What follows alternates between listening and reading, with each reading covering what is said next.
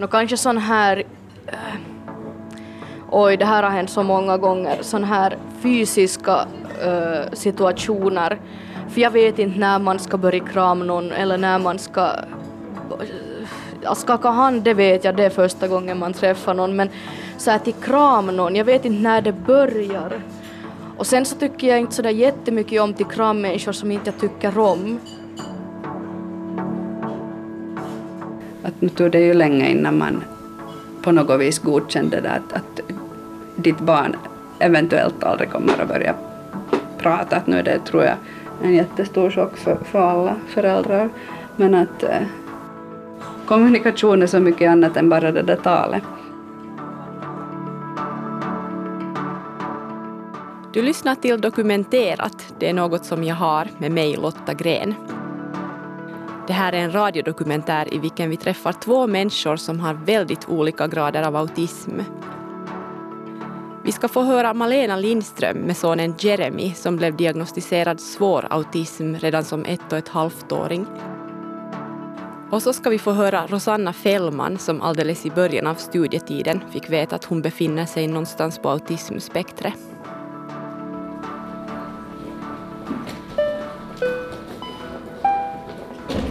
Det var just kanske där på femman, sexan som det började hitta mig. Att det, det är något, det är något liksom som jag har som inte de här andra människorna har. Och så kan man väl kanske se på det. Men det var faktiskt min lärare, vi skulle få och uh, skida.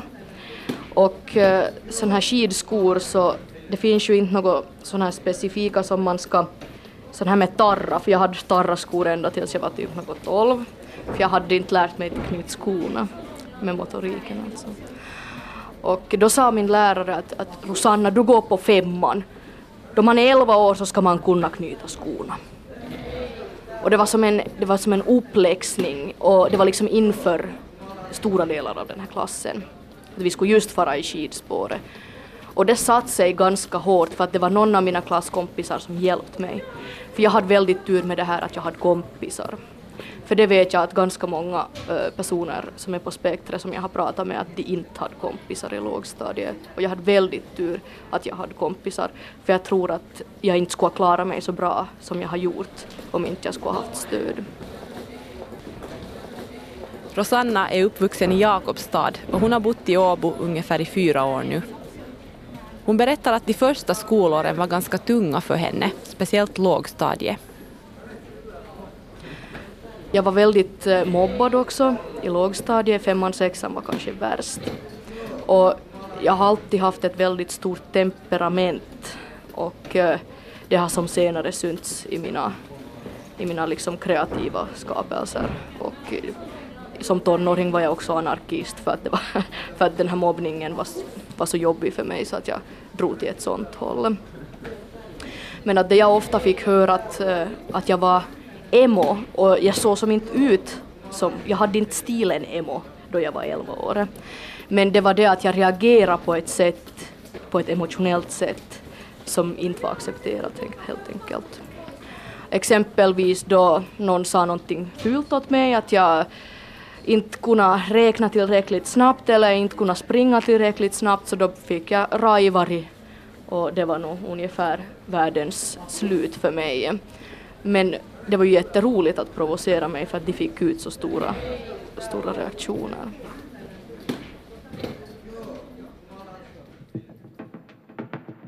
Sen senare i livet så kan man väl säga att jag började öva bort det, jag började märka att det var någonting med mig och jag började förstå vad man ska säga när och hur man ska se ut när.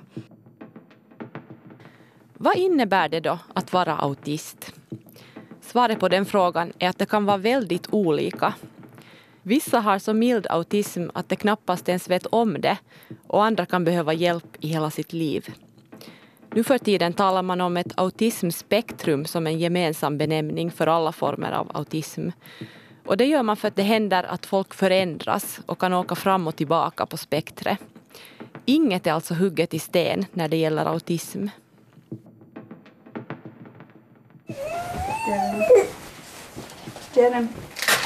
Vi ska nu träffa Jeremy, en sexårig pojke som bor med mamma Malena Lindström i Ekenäs. Yeah, ska du få välja själv vad du vill göra nu? Det är det som är.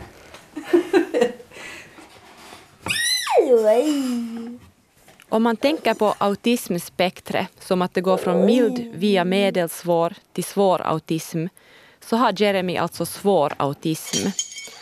Han har svårt med att kommunicera men rent fysiskt är han som vem som helst. Första året var nog helt som utvecklades nog helt sådär rätt så normalt och inte funderar man liksom något desto mer på att det skulle vara något, någonting avvikande. Tal, några ord kom och sådär och, och det var nu sen i, skulle han ha varit ett och ett halvt år ungefär som orden började falla bort. Så man börjar förstå att det är något, mm. någonting liksom som är fel och vi började sen i talterapi med honom och, och då började jag nog själv också sådär mera fundera och, och läsa och att vad, vad, skulle det kunna vara som är fel och, och så här. Och förstod ju nog sen att, att många tecken på autism och så här så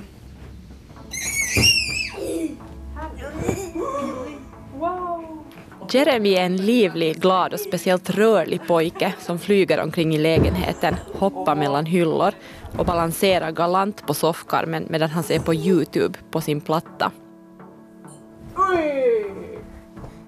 Det är bara en sak som tydligt skiljer Jeremy från andra sexåringar.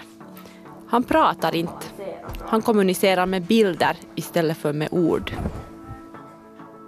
Ja, nu hade han de vanligaste orden. Så här mamma, pappa och, och, och mera och, och mat och så här, såna olika vanliga ord som nu ofta är första ord. Ja. Men att sen så föll de bort och kort tid efter det sen så började också vissa färdigheter liksom falla bort. Att han hade ju nog kunnat äta liksom med sked själv och leka lite med leksaker och så här men sånt började falla, falla mera bort och verkar vara, blev nog mera i sin egen värld och, och så här. Att, ja. att det är tydlig förändring och ännu tydligare ser man ju det nu sen efter efterskott. Mm. Processen innan, innan han fick sin diagnos så tror det var nog liksom lite över ett halvt år och så man hade ju ändå själv redan förstått på förhand och, och liksom lite, lite börjat bearbeta att, att, att han har autism och, och så här så men ändå, nu kommer det ändå som en chock den där diagnosen sen när du får den.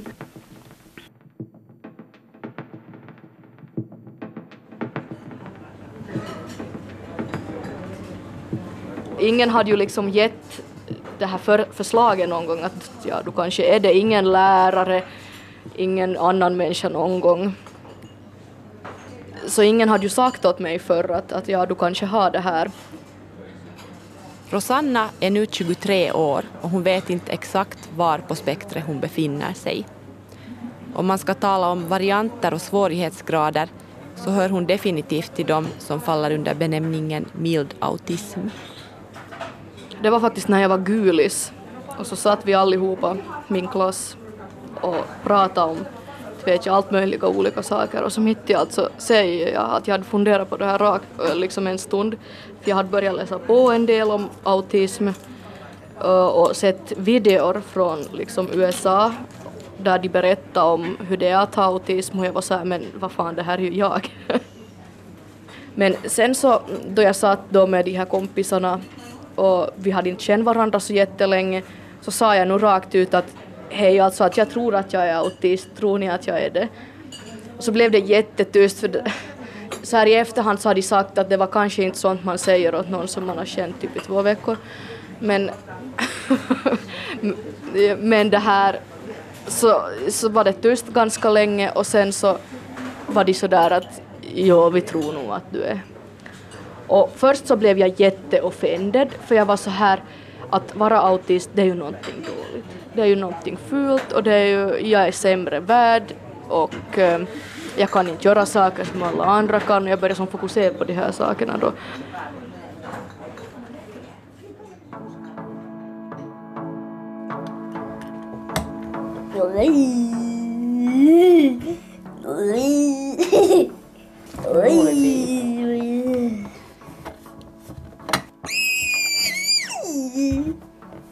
Då när vi började med, med, liksom, med bildkommunikationen då så var det sådär att försöka hitta någonting som, som motiverade han liksom för att han skulle förstå den här idén att, att liksom berätt, eller begära och berätta via, via liksom bilderna. Så första bilden som han förstod idén med det hela liksom och började använda så det var lingonsylt. Han åt, vad heter det, gärna lingonsylt då så, så det var nu väldigt motiverande då att få be om lingonsylten.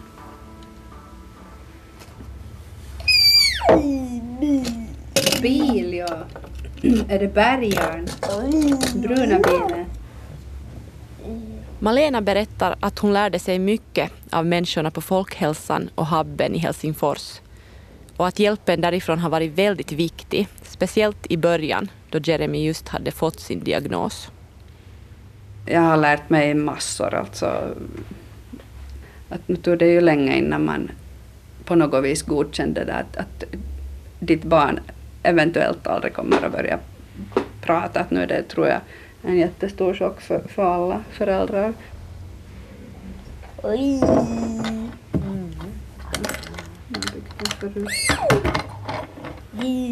Ja. Du, du liksom lär dig nog att, att tänka att, att hur mycket kommunikation är så mycket annat än bara det där talet. Att, att, eh, att bara du hittar ett sätt att, att liksom hjälpa honom och, och, och få uttrycka lite det som han, han vill och det som han behöver uttrycka. Och, och sen att du lyckas förmedla åt honom då äh, saker och ting. Och, att äh, den biten har nog varit väldigt sådär omfattande och, och lärorik på många sätt. Jag vill bygga den bruna bilen. Nu kommer den, titta.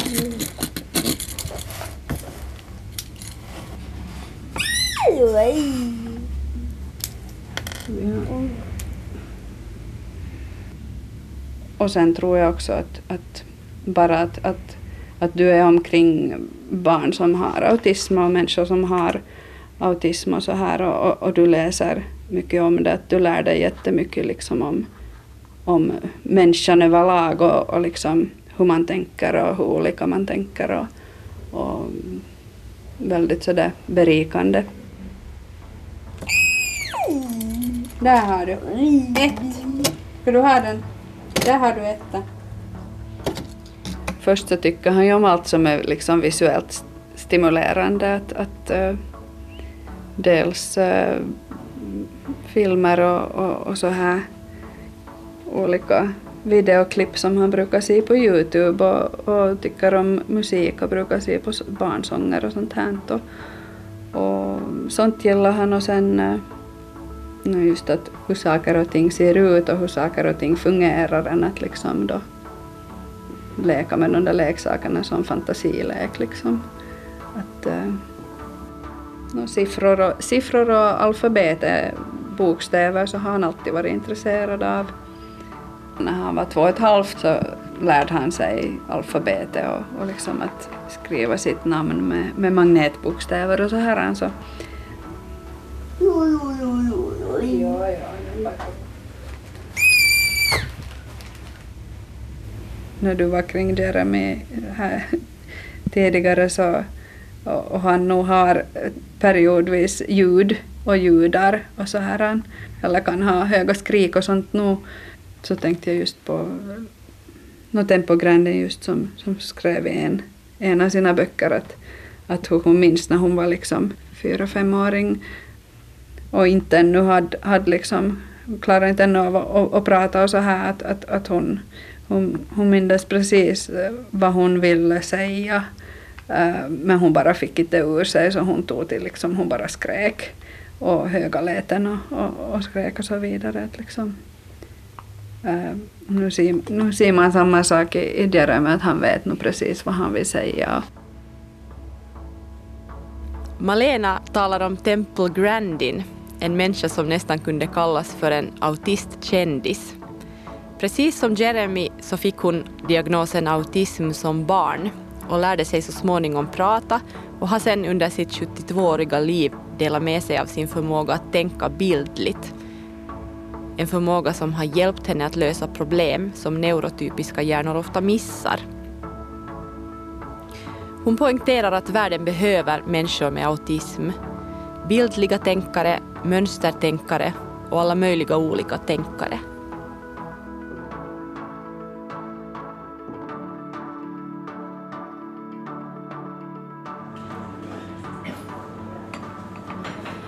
Jo, alltså ända sedan kanske, ja det kan nog hända att det har varit ända sedan jag föddes, så har jag ju stimma på olika sätt.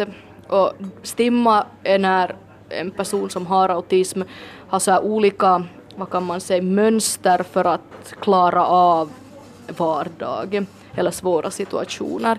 Det kan vara att man gungar eller att man rör i sina händer, rör i håret, säger olika saker om och om igen. Det är sådana här mönster som man helt enkelt tycker om att göra. Och det här har jag gjort väldigt länge. Jag har alltid haft en jotto för hår. Så när jag var riktigt, riktigt liten, liksom spädbarn, så har jag ofta liksom tryckt mig mot mina föräldrars armhår. Det var den grejen när jag var riktigt liten. När jag blev äldre så gjorde jag det på liksom min egen arm, så jag tryckte mig själv mot det där håret. Och sen i tonåren så höll jag på att hippla med håret jättemycket. Nu för tiden har jag ett sådant här mönster som jag gör med händerna. Men det gör jag inte sådär jätteofta. Att det, för jag tycker inte om hur folk börjar se på mig då jag gör det. Jag tycker det är jättejobbigt för att då, då hiffar folk att ah okej okay, hon är autist. Och det, det är ju också en sån här sak som jag, därför jag inte ens tycker om att prata om det här så det är jättemycket. Jag är just det för att man nedvärderar människor som har den här, jag vet inte ens om man kan kalla det till en sjukdom, men den här avvikelsen ja. kanske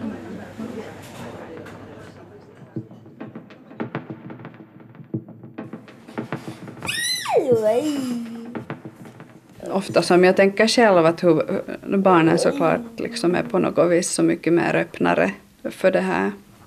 Um, till exempel när vi var i parken i somras så var det en flicka där som, som frågade att vad vi har, vad är det för bilder vi liksom har och, och så där. Och så, så berätt, berättade jag då för henne att, att, att, att Jeremy kommunicerar med bilder, att vi har nu dem liksom så när han inte kan prata och så här så. Uh, hon var nog väldigt sådär och sa direkt att, nej, men att, att, att, det är ju smart att ni har det. Liksom, att, att, att faktiskt att, att barnen är nog... Äh, det blir kanske mer sådär svårt och, och konstlat på något vis med vuxna.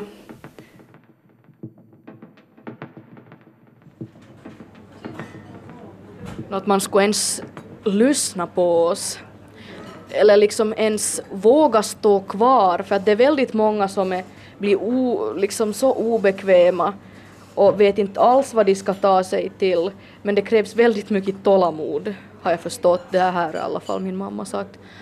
Och det är kanske mest på det att man borde våga lyssna på en människa som är annorlunda än en själv det är inte så big deal att jag har det här men ibland så märker jag att folk gör det till en större deal än vad det egentligen är.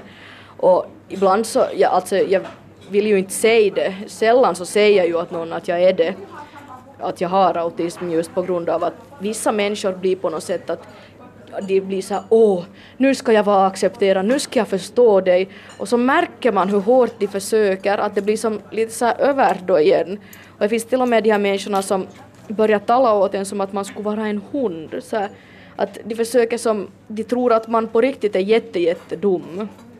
Att de som ta, talar jättelångsamt eller som jag blir jätteirriterad på det där. Men det är en, nu förstår jag att de vill, de vill sitt bästa, de vill förstå mig och de vill att jag ska förstå dem.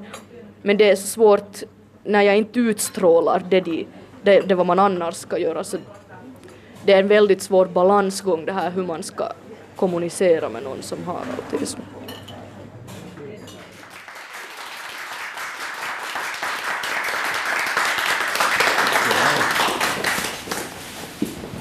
Jag ska läsa två dikter. Den här första så är ett sånt här ämne som jag aldrig kommer över. När folk frågar mig om vad jag gör om dagarna så överdriver jag alltid. Jag överdriver och säger att jag skriver. Och det stämmer väl kanske på ett plan att jag skriver och låter andra läsa och sedan får jättelite pengar för det jag gör. Först var jag jätte, jätte arg och jag tyckte också väldigt mycket synd om mig själv. Sådana stunder har jag nog ännu, det kan jag erkänna att jag får så här att varför måste jag vara så här? Varför måste jag va, blivit född till någon som inte förstår vad alla andra förstår?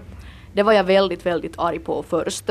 Just det här att äh, alla andra är liksom födda att gå runt och veta saker som inte jag vet och på grund av det så på något sätt blir de mer accepterade i samhället. Och det där gjorde mig helt satans förbar, förbannad liksom ganska länge.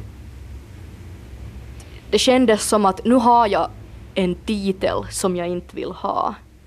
Det var så här att jag skulle ha blivit infödd vet du, i någon sån här kungafamilj men tvärtom att nu är jag som autist istället för royal. Att det var, så kändes det ganska länge. Och därifrån så började jag också skriva den här diktsviten Stöd som jag, som jag vann ett pris för också. Och eh, jag läste den faktiskt första gången för redan ett par år sedan högt framför publik. Och eh, då kändes det jättestort för att då kom jag i princip ut ur skåpet som autist. Och det var väldigt många som var på något sätt så chockade för de har tänkt sig att om man är på spektret så det finns bara en typ. Att folk verkar se det här spektret som liksom som bara en enda sak. Men spektret är faktiskt liksom som en jättestor, eh, liksom ett jättestort så här, en, en rymd full av olika äh, personlighetstyper som liknar varandra men som ändå inte är liksom helt samma. Och att det, det, det är nog ganska många människor som är odiagnostiserade som inte ännu har fått diagnos som säkert har autism. Det, det, är nog ganska vanligt skulle jag säga. Men jag har egentligen ett annat arbete. Ett arbete jag inte vill ha som jag inte får ersättning för överhuvudtaget. Mitt arbete är att förbereda mig på varenda gång jag går ut så att jag inte ska bli avslöjad för vem jag är. Gömma händerna som rör sig i fel takt, gömma kroppen som skriker fel position, jag har gått fel lektion i de rätta manerismernas konvention, hur jag är en perversion mot allmänhetens sociala ranson. Jag håller på och sammanställer nu, eller färdigställer, en diktsamling som kommer att utkomma hösten 2019. Och eh, där så har jag tagit eh, liksom den fördelen jag har med att jag förstår mönster. Och jag är väldigt samhällsintresserad. Jag är väldigt intresserad av hur, eh, varför folk säger vissa saker eller varför folk blir som de blir. Det finns väldigt mycket människor i Finland som är avvikande på många olika sätt. Och ändå så strävar man till att ha någon sorts normalitet. Och den här diktsamlingen så kommer handla om just det här mönstret med att det finns så många avvikelser. Så, så på det sättet har jag en, en fördel. Ja.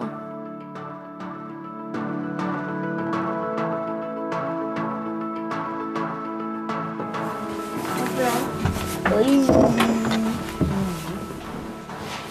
Det är en morgon i januari. Det har snöat under natten och det är dags för Jeremy att få till dagis.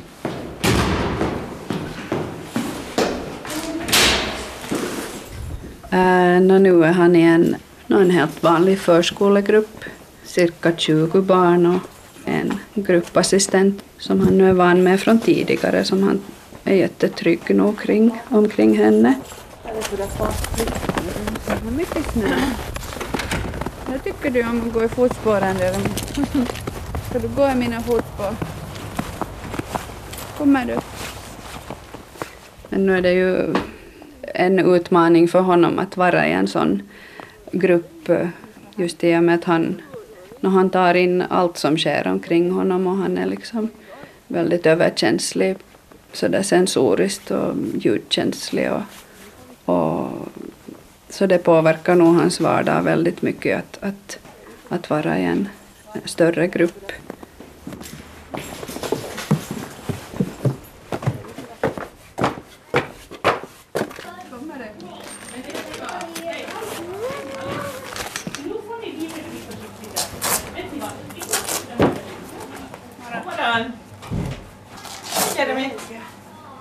Allt bra? Ja, hon är lite så trög morgon. Ah, ja.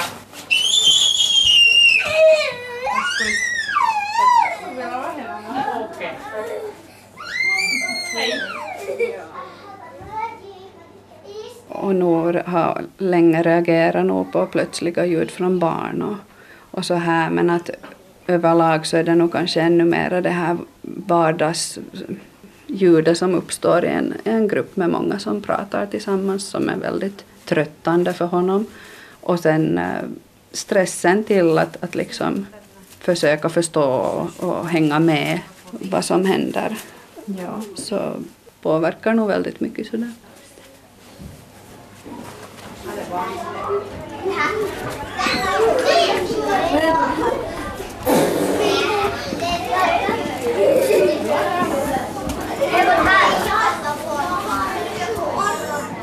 Han ska börja skolan nu i höst.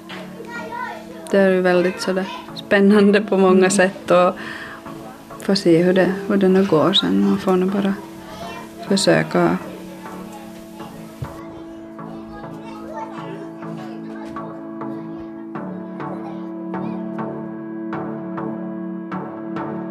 Att möta Rosanna och Jeremy känns på många sätt som att möta sig själv på ett plan. Man hamnar fråga sig hur mycket av ens personlighet som egentligen består av rätt så onödiga, inställsamma beteenden som man bara av gammal vana använder sig av i möten med andra människor. Tänk om man bara skulle sluta med att flina upp sig när man inte behöver det. Tänk om man kunde möta människor lite mera som de är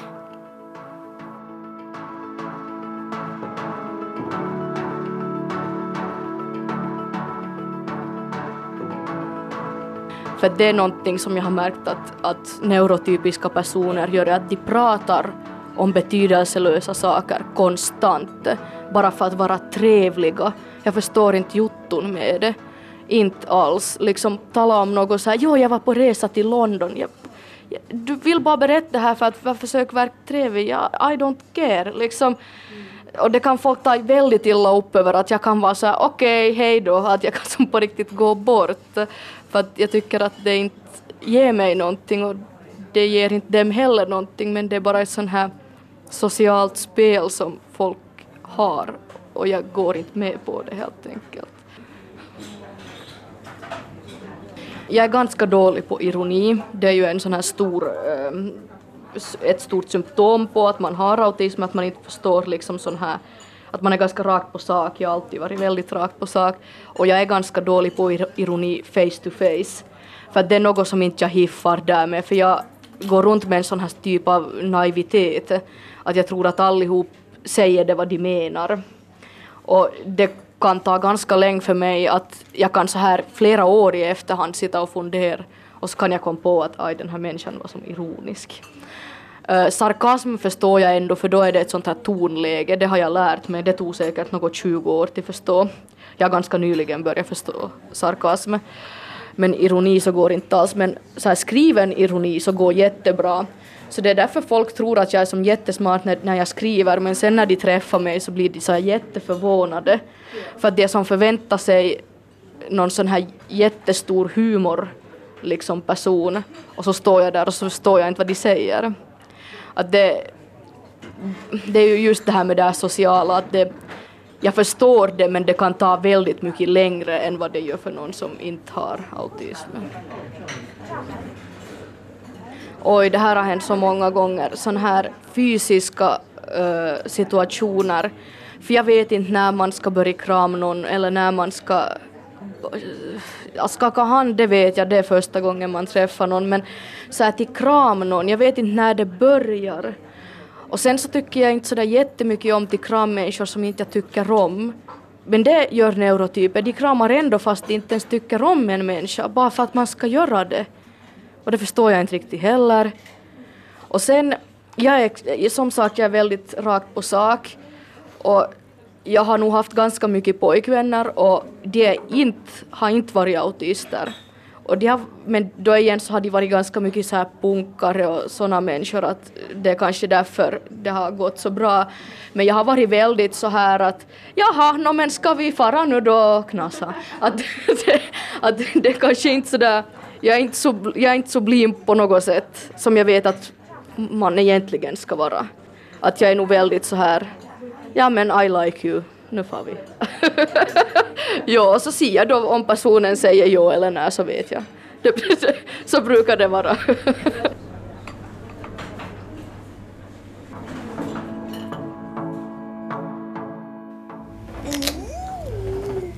Uh, no, nu tänker man ju väldigt mycket på framtiden eller kanske man har blivit mera tillfreds med tanken att, liksom, att det är väldigt sådär osäker. Man vet inte hur han kommer att utvecklas och hur han kommer att...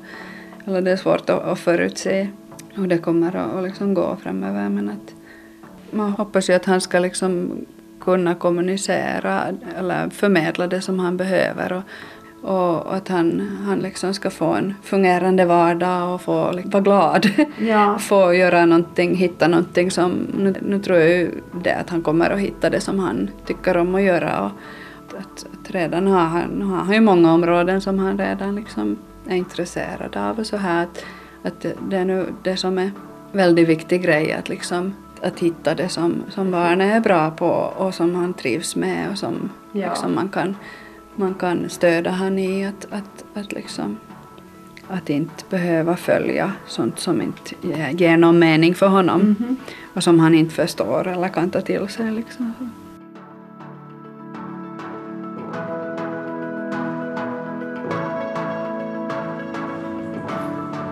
Om man ser på vem som sitter i regeringen, det är människor som har studerat statsvetenskap eller som är typ lawyers eller som förstår lagen. Och så börjar man få neråt då att ja, vad är det för folk som sitter i typ kommunfullmäktige? No, det, det är nog människor som är väldigt karismatiska eller liknande. Det är mycket få människor som är funktionsnedsatta, mycket få människor som är inte man eller kvinna, alltså icke-binära personer. Det finns mycket få människor som på något sätt är avvikande eller som är, ger mångfald. Och det tyck, anser jag är ett stort problem för alltså Finland är på riktigt mycket större än vad politiken eller de som är beslutsfattare eh, liksom visar på. Och det är en sak som jag, att man skulle våga rösta på någon som inte är den här klassiska politikern. Det, för att det, de beslut som görs så görs ju liksom av politiker.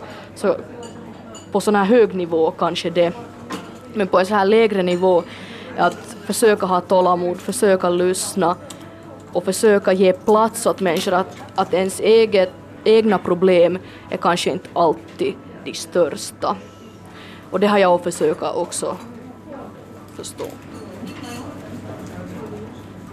Fastän någon fungerar på ett annat sätt så kan det ändå komma fram i slutändan så att säga att som jag sa med det där att jag inte alla gånger förstår ironi så kan det hända att jag i ett senare skede förstår det. Att eh, bara för att någon eh, tar in information på ett annat sätt eller eh, tänker i en bana som man inte blir upplärd i så betyder det inte att de skulle vara mindre värd på något sätt. Att alla människor oavsett liksom diagnos förtjänar att bli respekterade. Mitt arbete är att låtsas kunna medan jag inte kan. Hur jag aldrig slutar jämföra mig med personer som har fötts med vanlig intellektuell realitet, hur folk ändå låter mig bli till en del av en helhet. Mitt arbete är att sluta se mig själv som samhällets brist, för jag ska inte definieras av att jag är autist. Tack.